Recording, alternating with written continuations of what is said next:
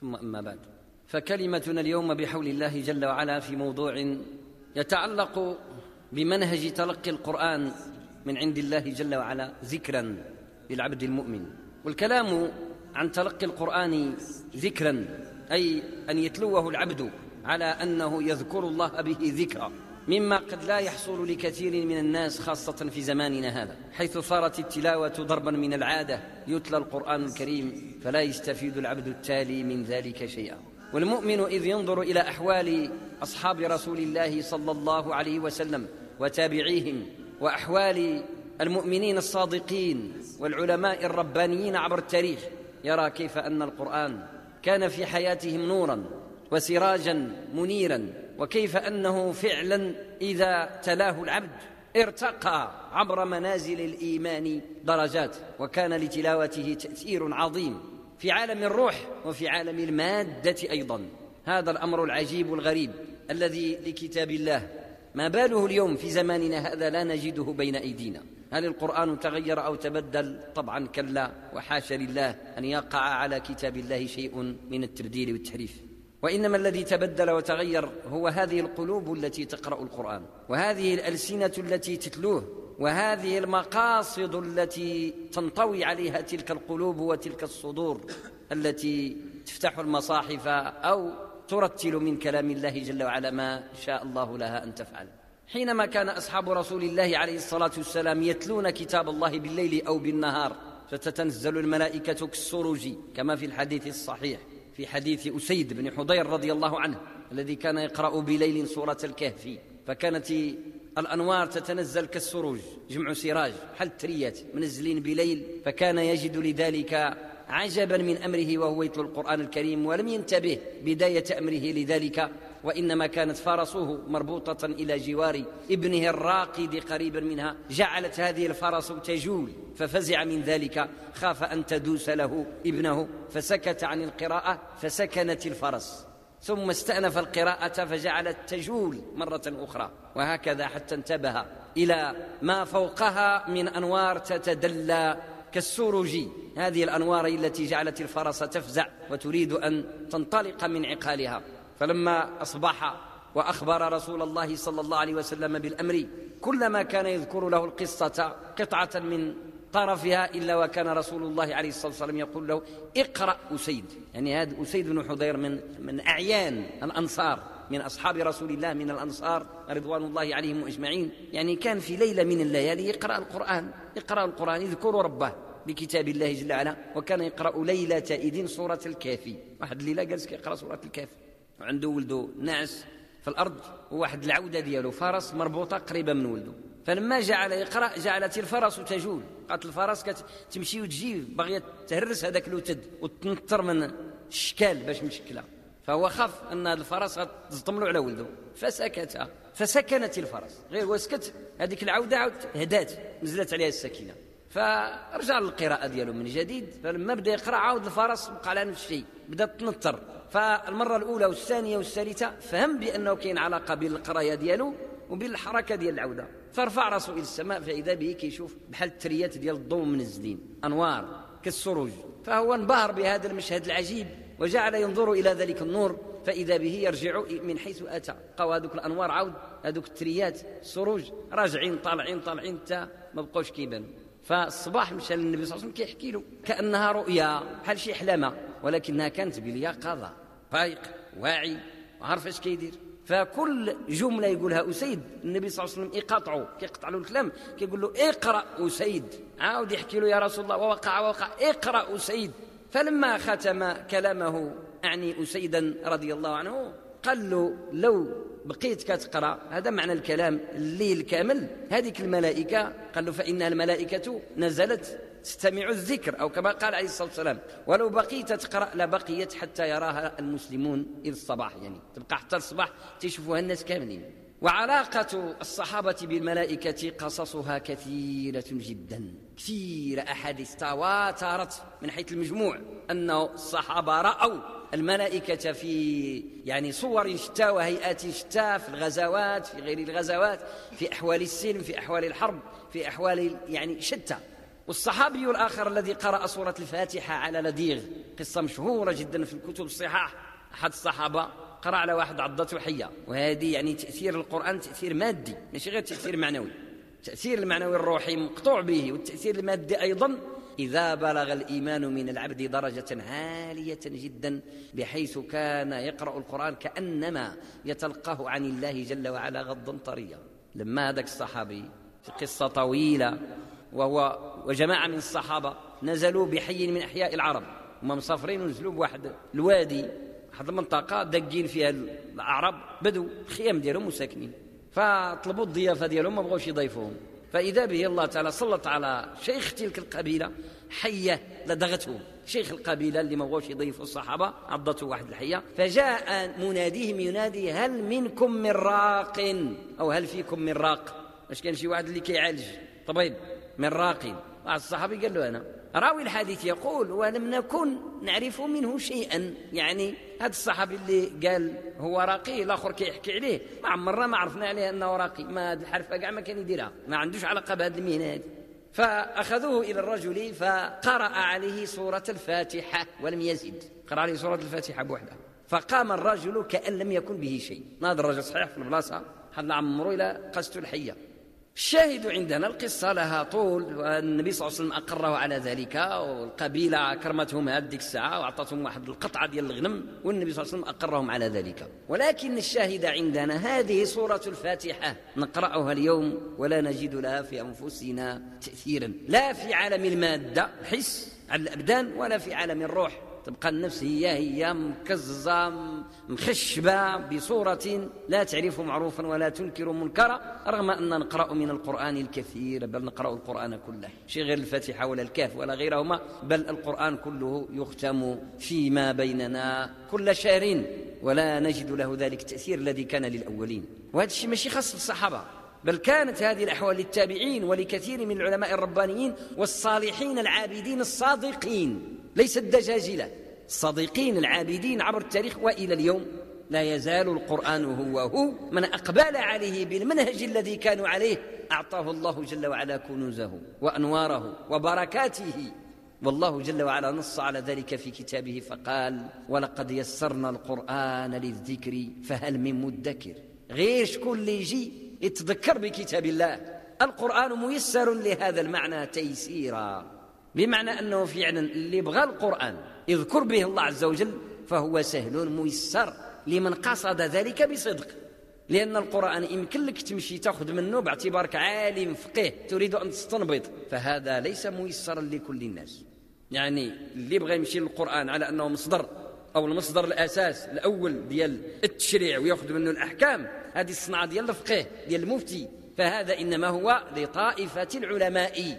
لا يجوز لغيرهم أن يستنبط ولا أن يجتهد ولا أن يأخذ الأحكام مباشرة. ما دامت هذه الأحكام مما يستنبط لا مما هو منصوص مقطوع واضح. فلولا نفر من كل فرقة منهم طائفة. ليتفقهوا في الدين ولينذروا قومهم إذا رجعوا إليهم. فالله تعالى يقول طائفة يعني طائفة العلماء. وهذا المعنى واضح. لكن اللي بغى القرآن ماشي لهذا الغرض. بغى القرآن يتذكر به. بغى القرآن يداوي به اللطائف النفسانية التي فيه ويريد أن يهذب نفسه وأن ينمي منزله وأن يرقي مقامه عند الله جل وعلا إيمانا. واحتسابا فالقرآن لهذا الغرض ميسر للجميع. يعني القرآن اللي بغاه الذكر ما خاص شيء بالطائفة ديال العلماء ولا طائفة ديال غير العلماء. القرآن بهذا المعنى لكل الناس بمختلف طبقاتهم وشرائحهم وثقافاتهم ومنازلهم الاجتماعية فقرا وغنى وعلما وجهلا قد بشرط أن تقبل على الله جل وعلا صادقا. غير يجي الله تعالى بصدق فعلا. فالقرآن يفتح لك أبوابه وكنوزه وهذا نص القرآن واضح. ولقد يسرنا تيسير. ولقد يسرنا القرآن للذكر لام الاختصاص يعني اللي بغاه هذا الغرض. ولقد يسرنا القرآن للذكر فهل من مدكر؟ يعني كما نقولوا إحنا بالعامية ديالنا ها العار غير تجيو تذكروا الله عز وجل وتقرؤون القرآن للذكرى وللفائدة الإيمانية. فمن جاء لهذا القصد وهذا المعنى فأبواب القرآن مفتوحة على مصاريعها جميعا.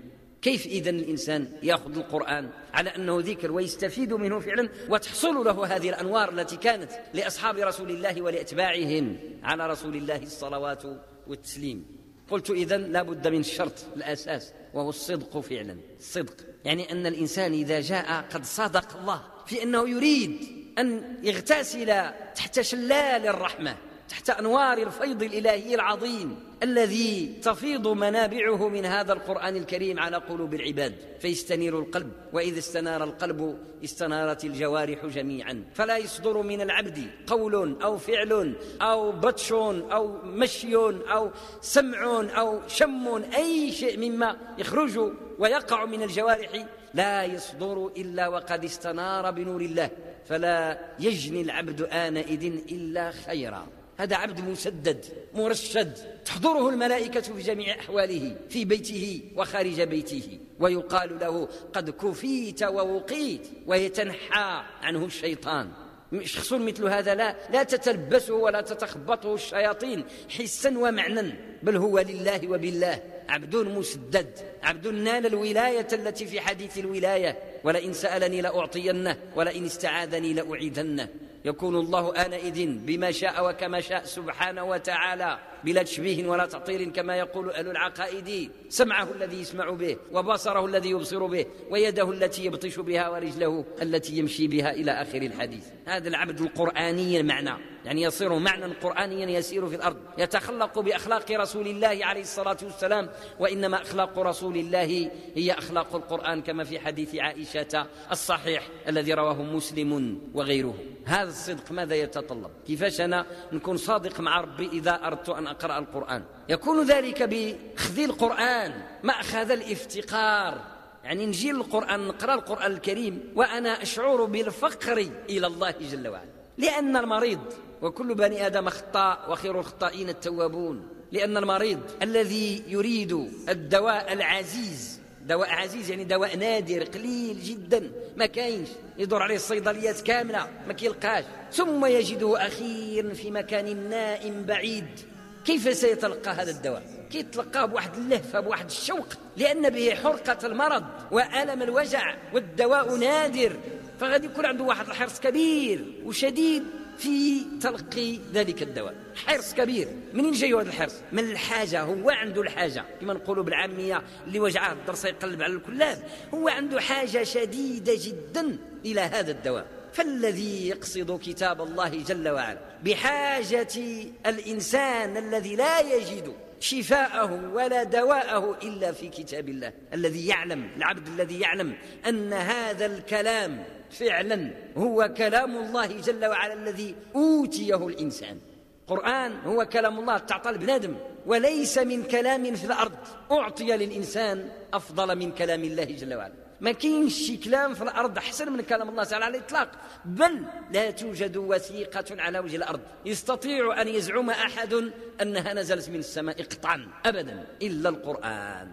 ما كاين لا توراة ولا إنجيل ولا زبور ولا وصايا ولا أي شيء مما عند اليهود والنصارى وعند المجوس وعند البوذية وعند سائر الملل والنحل. اللي يقدروا مش إحنا. إحنا كنكروا داك الشيء لا هما. لا يستطيعون أن يقطعوا. بأدلة العلم. القطع التام على أن تلك الصحف فعلا هي كلام الله. المسلمون وحدهم يوقنون بأن هذا الكلام حرفا حرفا تكلم به الله. من سورة الفاتحة إلى آخر سورة الناس. راه عندك واحد الكنز لا يوجد مثله في الأرض. هذا الكنز العظيم اللي هو الخريطة ديال الكون كله جغرافية الكون وتاريخ الكون. ماضيه وحاضره ومستقبله الضارب في عمق الغيب ملخص عندك في كلمات من كلمات الله جل وعلا ألا وهي القرآن الكريم. حينما تقرأه تدرك أن الله جل وعلا يكلمك أن الله سبحانه وتعالى يناجيك. وحينما تستجيب بقلبك هذا المشتاق الملتاع المحتاج إلى الله جل وعلا تجد الأثر بارزا قويا واضحا. في الحين في الحين تحتاج تستنى في ذيك اللحظات اللي تقرأ القرآن بهذا الصدق المتناهي بهذا الاحتياج بهذا الافتقار العالي الرفيع تجد الجواب مباشرة سكينة وطمأنينة تتنزل عليك. ألا بذكر الله تطمئن القلوب؟ وإنما رأس الذكر القرآن. ومن أسماء القرآن الذكر. إنا نحن نزلنا الذكر وإنا له لحافظون. فهذا الذكر حينما تأخذه بهذا المعنى وبهذا المأخذ تلقيا عن الله تلقي المحتاج المفتقر المتفرغ لهذا المعنى. يعني اللحظة اللحظة اللي تكون تقرأ فيها القرآن لا ينبغي أن يكون منك شيء خارج عالم القرآن. لا عصب ولا جلد ولا عظم ولا دماغ ولا ذهن ولا فكر كلك يجب أن تكون ها هنا مع كتاب الله جل وعلا. أنت آنئذ تتلقى والمتلقي ينتج عنه يعني عن حال التلقي هذه ينتج عنها الحضور التام والافتقار التام. كما بينا مرارا وتكرارا أن الإنسان من يتلقى شي حاجة لأنه التلقي ما كيتعطى في العربية هذا المعنى أو لا يستعمل هذا المعنى في العربية إلا إذا كان المرسل من علو والآخذ من أسفل أو من تحت. بمعنى أنه يعني ألقى وتلقى. إنا سنلقي عليك قولا ثقيلا وإنك لتلقى القرآن من لدن حكيم عليم. وهذا اللفظ تكرر مرارا في القرآن بهذا المعنى. يعني أن الله عز وجل ألقى الكتاب ألقى سبحانه وتعالى إلى عبده ونزله تنزيلا على قلبه وعبده أي رسوله عليه الصلاة والسلام تلقاه فيعني التلقي هذا يعني يدل فعلا على أن الإنسان يعني فيه واحد النوع ديال الحضور التام يعني في عالم المادة في عالم ديال الماديات ولله المثل الأعلى ولا مشاحه في الأمثال. واحد من اللي يكون فوق شي عمارة ولا شي طبقة من الطبقات ديال شي عمارة وانت في الأرض وغادي يرمي لك شي حاجة وكينبهك كيقول لك رد بالك شد أنا نرمي لك. ما يمكنش ديك الساعة الدماغ ديالك تكون فيه شي شي طرف منه كيفكر في شي حاجة أخرى غير هذيك العملية ديال التلقي باش تشدها ما تطيحش هذيك الحاجة. إلا مشين غير مديت عينك لواحد السيارة دايزة أو لشي منظر آخر من غير الشغل اللي راك مقابله. يعني واحد الاحتمال كبير أن هذيك الشيء أو البضاعة اللي غتنزل عليك تشتت في الأرض على حساب النية ديالك. إلا أنت عندك الحرص تشدها ما تطيحش فعلا راه كلك كتحضر. يعني واخا شي واحد يعيط عليك من وراك ما تسمعوش ولكن إلا ما عندك هذا طبعا يعني يكون بالك شوية من هنا شوية من هنا وتقول يمين إيه، شديتها هي هذيك ما شديتهاش شي بس مكان يمكن تجي في الأرض. فإذا أنت ليس لك رغبة فإذا سقطت كتكون أنت المتسبب إلى تهرست أو وقع بها ضرر. ولذلك العبد الصادق الذي أقبل على الله كاملا يتلقى القرآن آنئذ كاملا.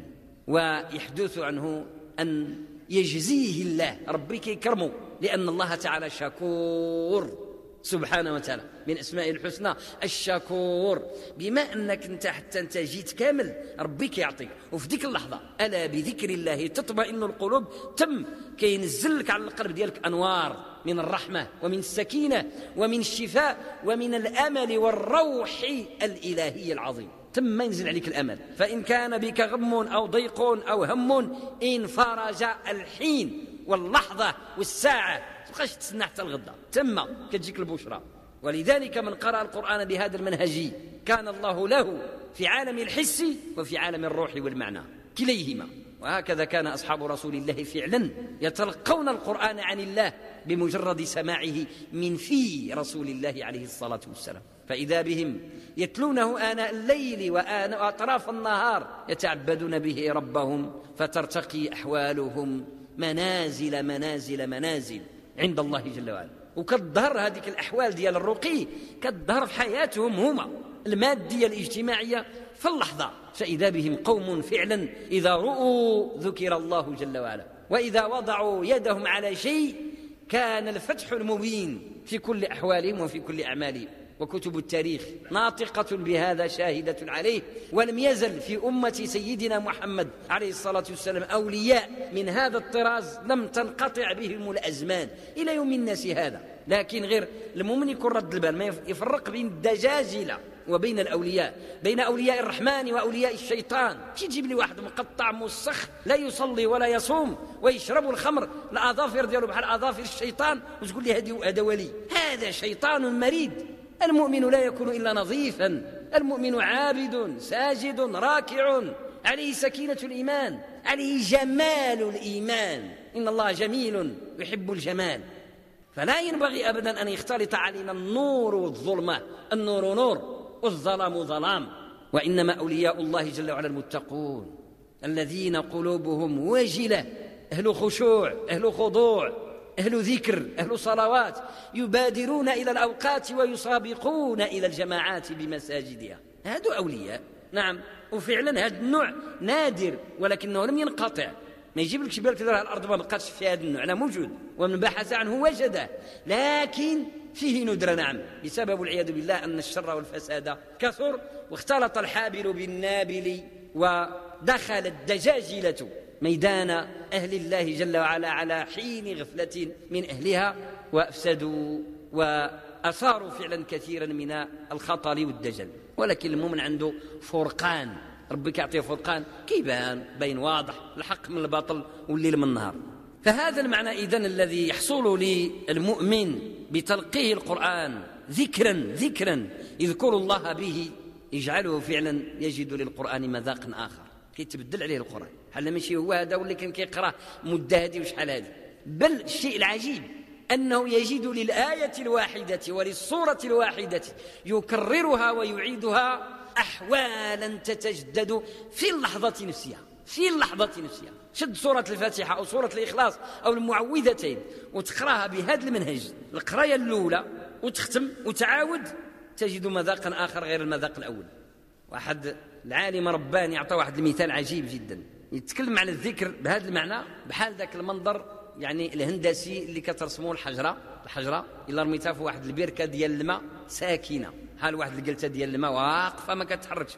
وانت ترمي فيها واحد الحجرة. ملي ترمي فيها واحد الحجرة كترسم دائرة حول الحجرة. عاود هذيك الدائرة نفسها كتوسع وكتكون ترسمت واحد الدائرة أخرى وسطها. وهكذا الدوائر تتوالى. وحده كتولد واحد الدائره وكتدفع الدائرة الأخرى كتوسع وهكذا كتبقى في واحد الحركة. دائرية تتوسع تتوسع تتوسع بحيث أنه يعني كل لحظة كاين تجدد ديال المنظر يختلف مع أنه الدائرة في حالتها الأولى شكل في حالتها الثانية شكل آخر. فهي يعني فعل واحد حجرة واحدة فعل واحد. لكن الآثار متعددة بأشكال مختلفة وبأحوال مختلفة. ولذلك أمرنا أن نكرر القرآن الكريم في صلواتنا. وعلى رأس ذلك الفاتحة. تقرأها في الركعة الأولى وفي الثانية وفي الثالثة وفي الرابعة. وتقرأها الصباح وفي الظهر وفي العصر وفي المغرب وفي العشاء وفي النوافل. فاتحة الفاتحة الفاتحة. وش هذه الفاتحة؟ ما كتسالاش طبعا ما كتسالاش لا تنتهي أبدا. وما من كلمة في كتاب الله إلا ومن ورائها. أبحر تمدها أبحر. لا تنقطع ولو جئت بمثل ذلك كله مدد ما نفدت كلمات الله جل وعلا لأنه الله الذي ليس كمثله شيء المحيط بكل شيء. إذا تكلم تكلم بما ينبغي لجلاله وعظمة سلطانه من جلال وهو صفات الكمال لأن الله تعالى له الكمال المطلق فكلامه منه سبحانه وتعالى صفة له لا يكون إلا كاملا والقرآن كلام الله جل وعلا. ولهذا يعني النبي صلى الله عليه وسلم أيضا في الأذكار كيعطينا أنك تقرأ قل هو الله أحد ثلاثة مرات قرأ المعوذتين ثلاثة مرات. يعني هذا التعداد لقراءة القرآن الكريم بأعداد وتختمه وتعيد وتختمه وتعيد. يختم القرآن كل شهرين وكل أربعين يوما ويعاد ختمه مرات مرات. حياة كاملة وأنت تختم القرآن الكريم مع أنك كلما رجعت كلما رجعت. ومن ذاق هذا عرفه وعلمه تجد الآية في بعض الأحيان كأنك لم تقرأها قط. شحال من كدوز عليه بحال عمرك ما قريته. كأنك لم تقرأه قط. شنو السبب؟ السبب أنه لقى فيك واحد البلاصة فيها العلة. وجئت في تلك اللحظة صادقا وصادف الدواء الداء. نزل الدواء على المرض فاش عندك. فتشعر براحة عجيبة. ربما من قبل ما كان لك ذلك الصدق أو ربما من قبل كان في ديك اللحظة في لحظة سابقة. يعني ما كانش عندك هذاك المرض اللي لقاته هذيك الآية. فأنت حينما تستعرض القرآن الكريم كأنما كأنما تستعرض صيدلية شاملة تعالج كل شيء. وهو كذلك فعلا. صيدلية الرحمن كما يعبرون عن القرآن الكريم. كدوز قدامك صيدلية شاملة. ما أنزل الله داء إلا أنزل له دواء. فقد يصادف شيء من القرآن داء منك. وإحنا كلنا أدواء كلنا أمراض. كل بني آدم أخطاء. نخطئ بالليل ونخطئ بالنهار. والله جل وعلا يبسط يديه سبحانه وتعالى. بالليل ليتوب مسيء النهار ويبسط يديه جل وعلا كما ينبغي لجلال وجهه وعظيم سلطانه. بالنهار ليتوب مسيء الليل سبحانه وتعالى. من الرحمن الرحيم. فحينما نقبل عليه بكتابه صادقين ذاكرين فإنه جل وعلا يفتح لنا أبواب الرحمة. والقرآن هو فيض الرحمة. القرآن هو من رحمة الله. فيض الرحمة ومحض الرحمة. وأعظم رحمة تلقى هذا الإنسان إنما هو القرآن. القرآن أعظم رحمة نزلت على بني آدم في الأرض لأنه الهداية الكاملة. ولذلك سيدنا رسول الله عليه الصلاة والسلام لم يزل مذ نزل عليه قول الله جل وعلا اقرأ. يتخلق بأخلاق القرآن حتى صار خلقه القرآن. ووصفه الناس من أهل العلم فقالوا كان قرآنا يمشي بين الناس عليه الصلاة والسلام بأبي وأمه. فإذا بهذا المنهج الذي ذكرت يعني نسميه بمنهج التلقي للقرآن الكريم يحصل الافتقار للعبد لأن التلقي لا يكون إلا بهذا المعنى عند تحليله وبيانه افتقار فإذا حصل الافتقار فعلا فذلك هو الصدق. هذا هو الصدق المطلوب. ومن صدق الله جل وعلا صدقه الله. من صدق الله صدقه الله جل وعلا. فالعبد إذا حينما يتلو سورة الفاتحة أن الحمد لله رب العالمين في صلاته أو في غير صلاته لكن بمنهج الذكر يذكر مولاه. الحمد لله رب العالمين الرحمن الرحيم مالك يوم الدين إياك نعبد وإياك نستعين اهدنا الصراط المستقيم صراط الذين أنعمت عليهم غير المغضوب عليهم ولا الضالين. تبع الآيات واحدة واحدة يترقى بمدارجها. حل طلع في الدروج حل طلع في الدروج. لأنه وحده كتعطيك الأخرى والأخرى كتعطيك الأخرى. إذا كنت فعلا حاضرا إذا حضر وهذا لا يحتاج إلى كثير تفسير وإنما يحتاج إلى كثير إخلاص وإلى كمال قصد وصفاء نية. أما سورة الفاتحة في المعاني المعاني العامة ديالها واضحة للناس. حتى الأطفال الصغار يعرفوا يقولوا الحمد لله رب العالمين وعارفين المعنى العام ديالها. إذا كلا الطفل كيقول الحمد لله يقول الحمد لله كيقول الحمد لله. ويدرك المعنى نعم أي أنه يشكر الله جل وعلا ويحمده ويثني عليه. ولكن العبد حينما يذكر ربه بهذه الصورة الفاتحة العظيمة لابد وأن يجد لكل جملة من جملها لكل آية من آياتها مقاما ومنزلا إيمانيا. يجد فيه العبد آنئذ أنه حصل معنى خلقيا لنفسه وروحه. فالحمد إذن هو أول الكلام. وأول التحية التي ينبغي أن يقابل بها العبد ربه. أول شيء لما تذكر مولاك اللي خلقك أول كلمة خص العبد ينطق بها تجاه مولاة هي أن يحمده قبل كل شيء وقبل أي شيء. لأنه أنا وأنت لما يعني يوقع لنا واحد النوع ديال الذكرى أي أننا كنحسوا بأننا غادي ندخلوا عند الملك مول الملك سبحانه وتعالى رب الكون. ولذلك ليس عبثا أن وصف نفسه سبحانه وتعالى في سياق الحمد في سياق الحمد بكونه رب العالمين. فقال الحمد لله رب العالمين. كان ممكن يكون المعنى كامل نقول الحمد لله ولكن الله قال الحمد لله رب العالمين. فهذا السياق اللي راح نتكلموا عليه. لأنه مول الشيء رب العالمين هو مول الشيء مول الكون كله وما أنا وأنت وأي مخلوق إلا ذرة. صغيرة متناهية في الصغر من هذا الكون الفسيح العالمون الذي يملكه رب واحد وملك واحد. أنت وأنا يعني الذرة صغيرة تتاح لك الفرصة. هذا معنى عظيم وغريب وعجيب. تتاح لك الفرصة لتكلم رب الكون. لا بغي تدخل غير عند قيد خصك ما هي وما لونها. بغيت تدخل عند واحد أكثر منه خصك الموعد وتكتب ورقة وشنو الموضوع ديال الزيارة واحتمل هذا رب الكون كله يأذن لك يأذن لك. في مواعيد شتى على الفرائض وفي مواعيد لا حصر لها من النوافل. أن تدخل عليه جل وعلا بين يديه مناجيا. عرفت شنو هي مناجيا؟ غير انت وهو. سبحانه وتعالى من ملك عظيم يعني واحد النعمة صار العبد كيوحل ما كيعرف باش يقدرها. لا يدري كيف يجيب ربه بهذه النعمة العظيمة.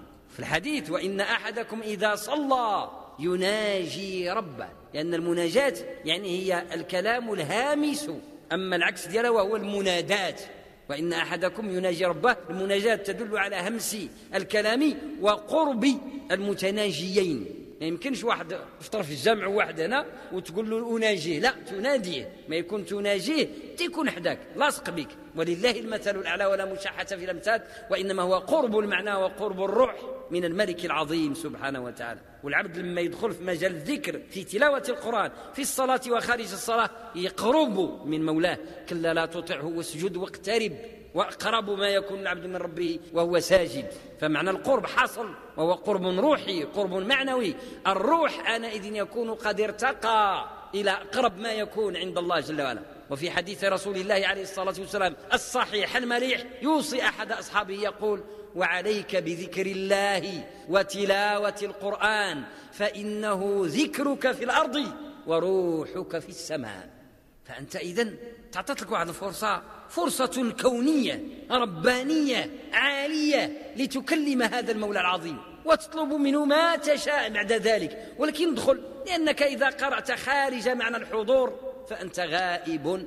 كاينش والغايب ما والو يحضر العبد يحقق العبدية لله. لأنك أن تحضر يعني أن تحقق الافتقار أن تحقق الخضوع والسجود بين يدي مولاك. سجود القلب أعني. يعني يمكن تقرأ الفاتحة بلا صلاة وتعطي الثمار ديالها. إذا قرأتها بهذا المعنى إذا سجد القلب بها وإن لم يسجد البدن في غير أحوال الصلاة.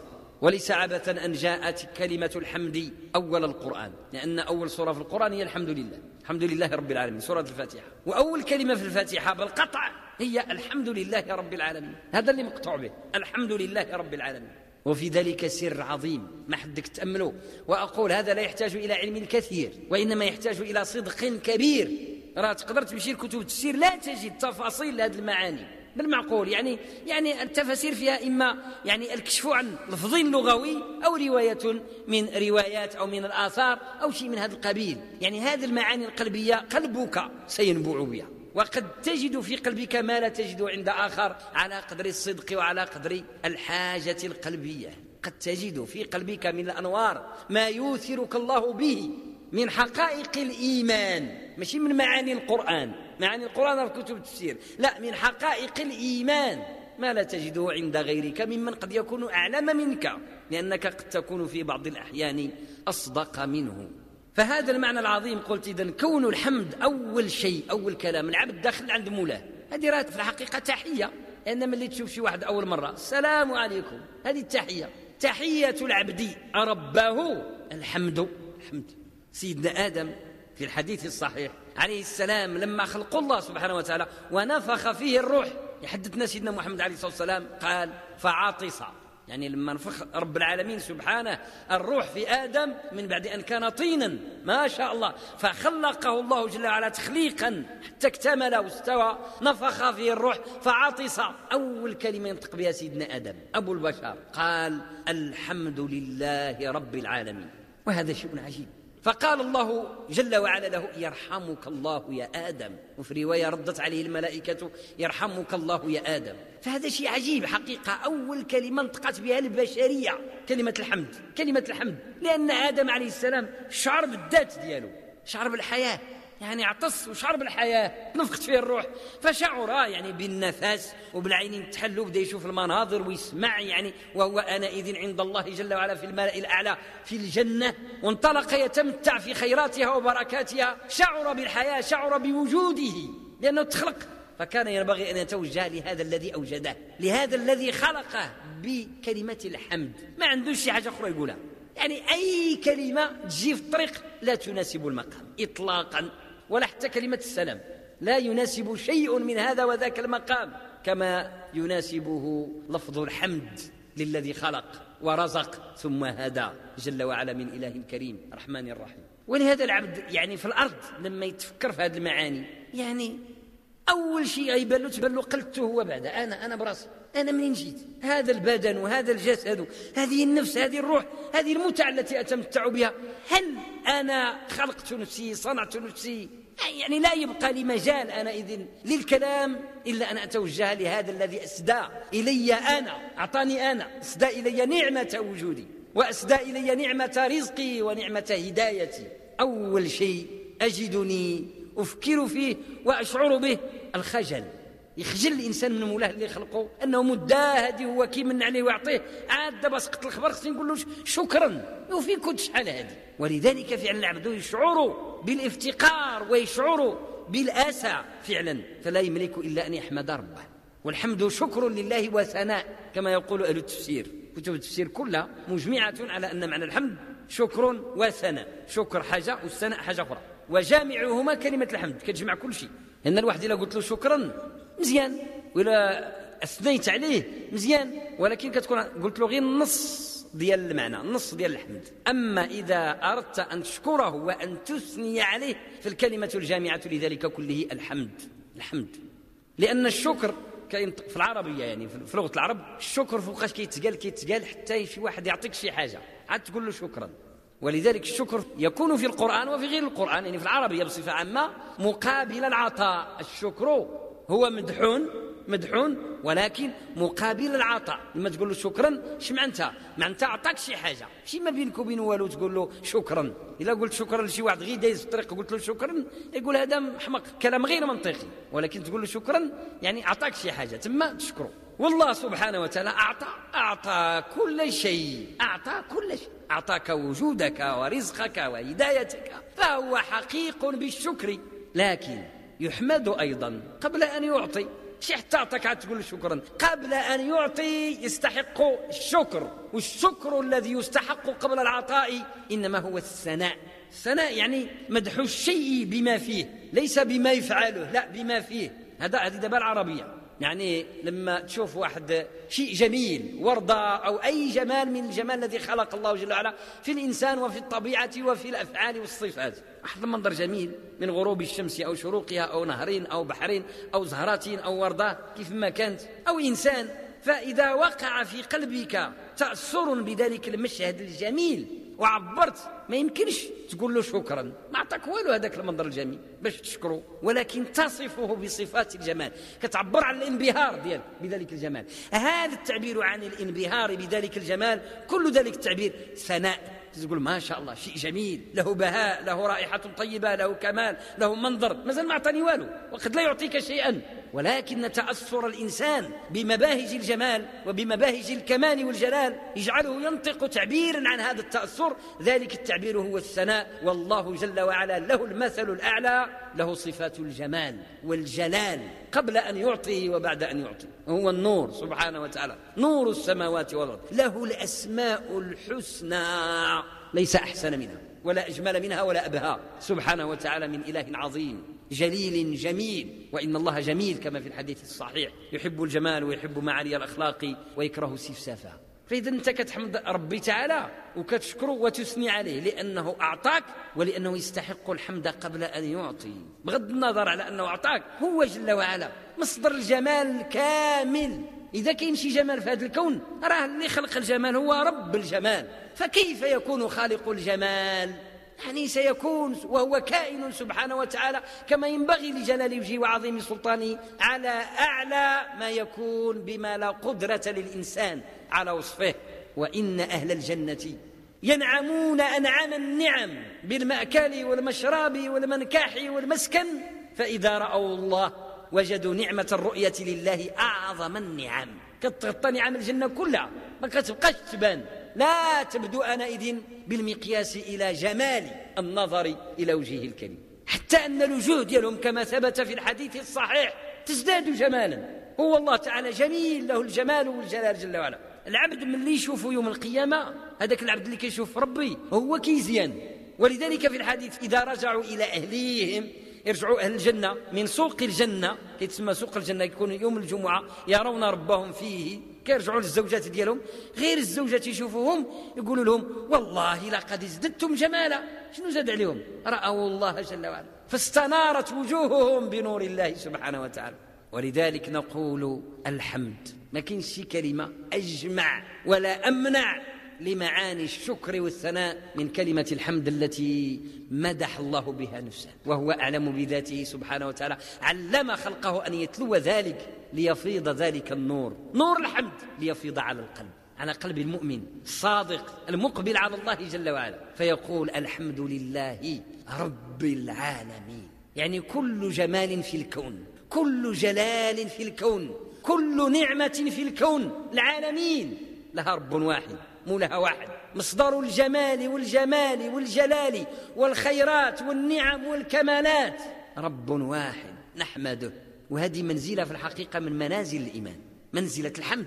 لأنه لما تبدأ أنت تحقق من هذا المعنى وأنت تقرأ داك الشيء باش كتقرأ في الركعة الأولى مشالك ما شديتش مزيان. الركعة الثانية كاينة والثالثة والرابعة ودونك النوافل ما شاء الله. عسى أن تتحقق من مقام الحمد. ماشي من المعنى المعنى ها هو في البال. أنت قريته في كتب التفسير المعنى.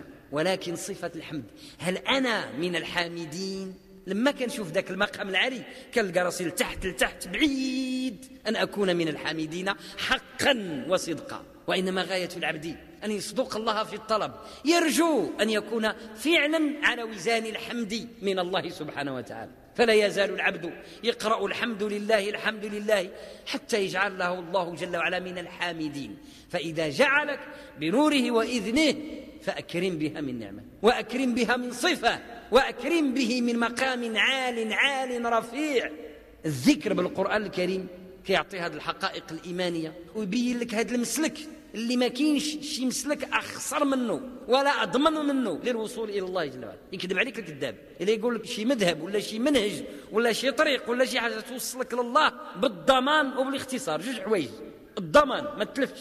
أن كثير هي المناهج والطرق اللي كيمكن توصل لله عز وجل. ولكن معرضة للتلف. يمكن تضل. يمكن تجليك. القرآن عمره ما يجليك. هدى هدى للمتقين. غير جيب الصدق ديالك. ما عمرك ما تلف ولا تجلى ولا تودر في القرآن الكريم. فهو مضمون. الوصول إلى الله بالقرآن مضمون. ثم مختصر. قريب. لحظات سويعات. حقق الصدق. فإذا بك بين يدي الله بباب الإذن بباب الرحمة.